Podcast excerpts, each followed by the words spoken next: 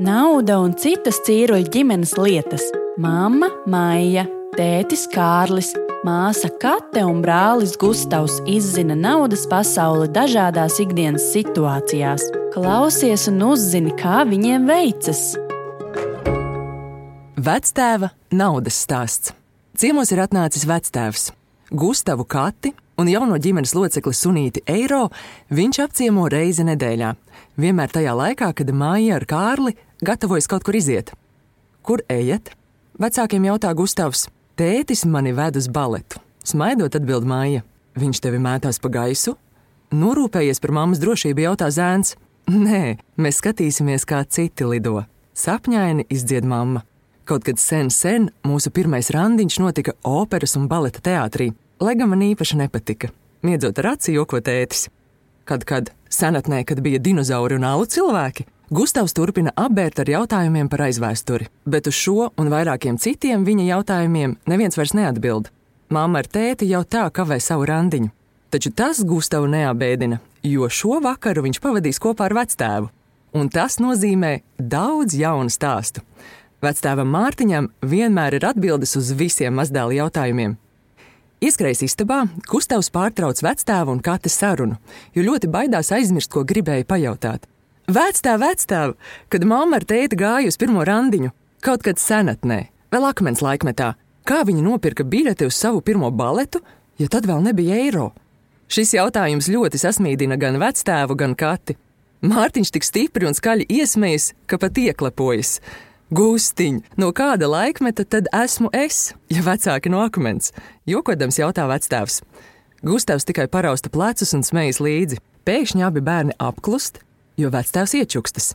Runājot par naudu, zinu vienu stāstu, kuru man pastāstīja mans vectēvs, bet viņam viņa vectēva vectēvs kaut kur no akmens laikmeta.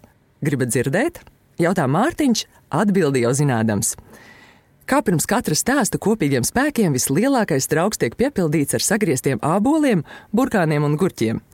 Tos saritinājušies uz paklāja, iepratim dzeltenajam klubkrēslam, kurā iekārtojies vectēvs, ikreiz kā popkornu grauž mazie stāstu klausītāji. Tagad vectēvs iekrekšķināsies un sāks. Tā viņš dara vienmēr.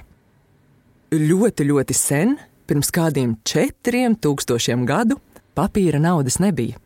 Nebija arī metāla monētu bet cilvēki jau bija izdomājuši naudu.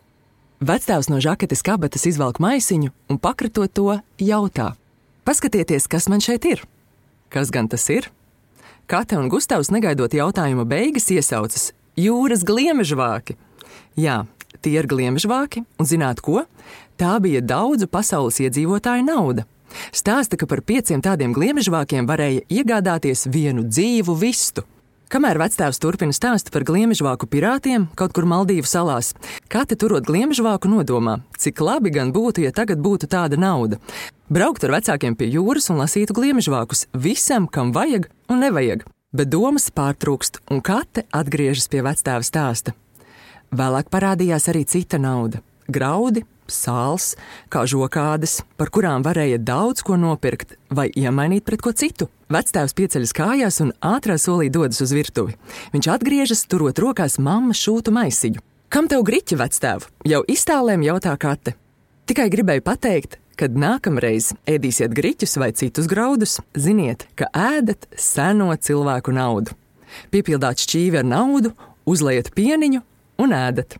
Katra ar Gustavu saskatās, nespēdami noticēt, ka gandrīz katru rītu ēd kāda naudu.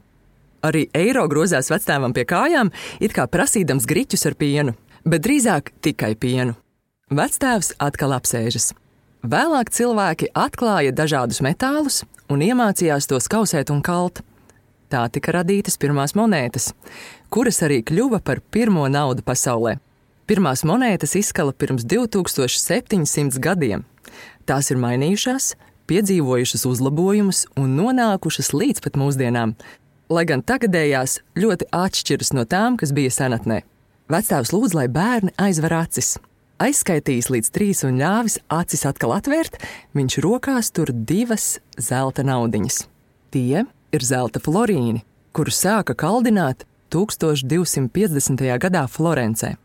Kopš tā laika šīs monētas izplatījās visā pasaulē, un savas zelta monētas sāka kaldināt daudzas valstis.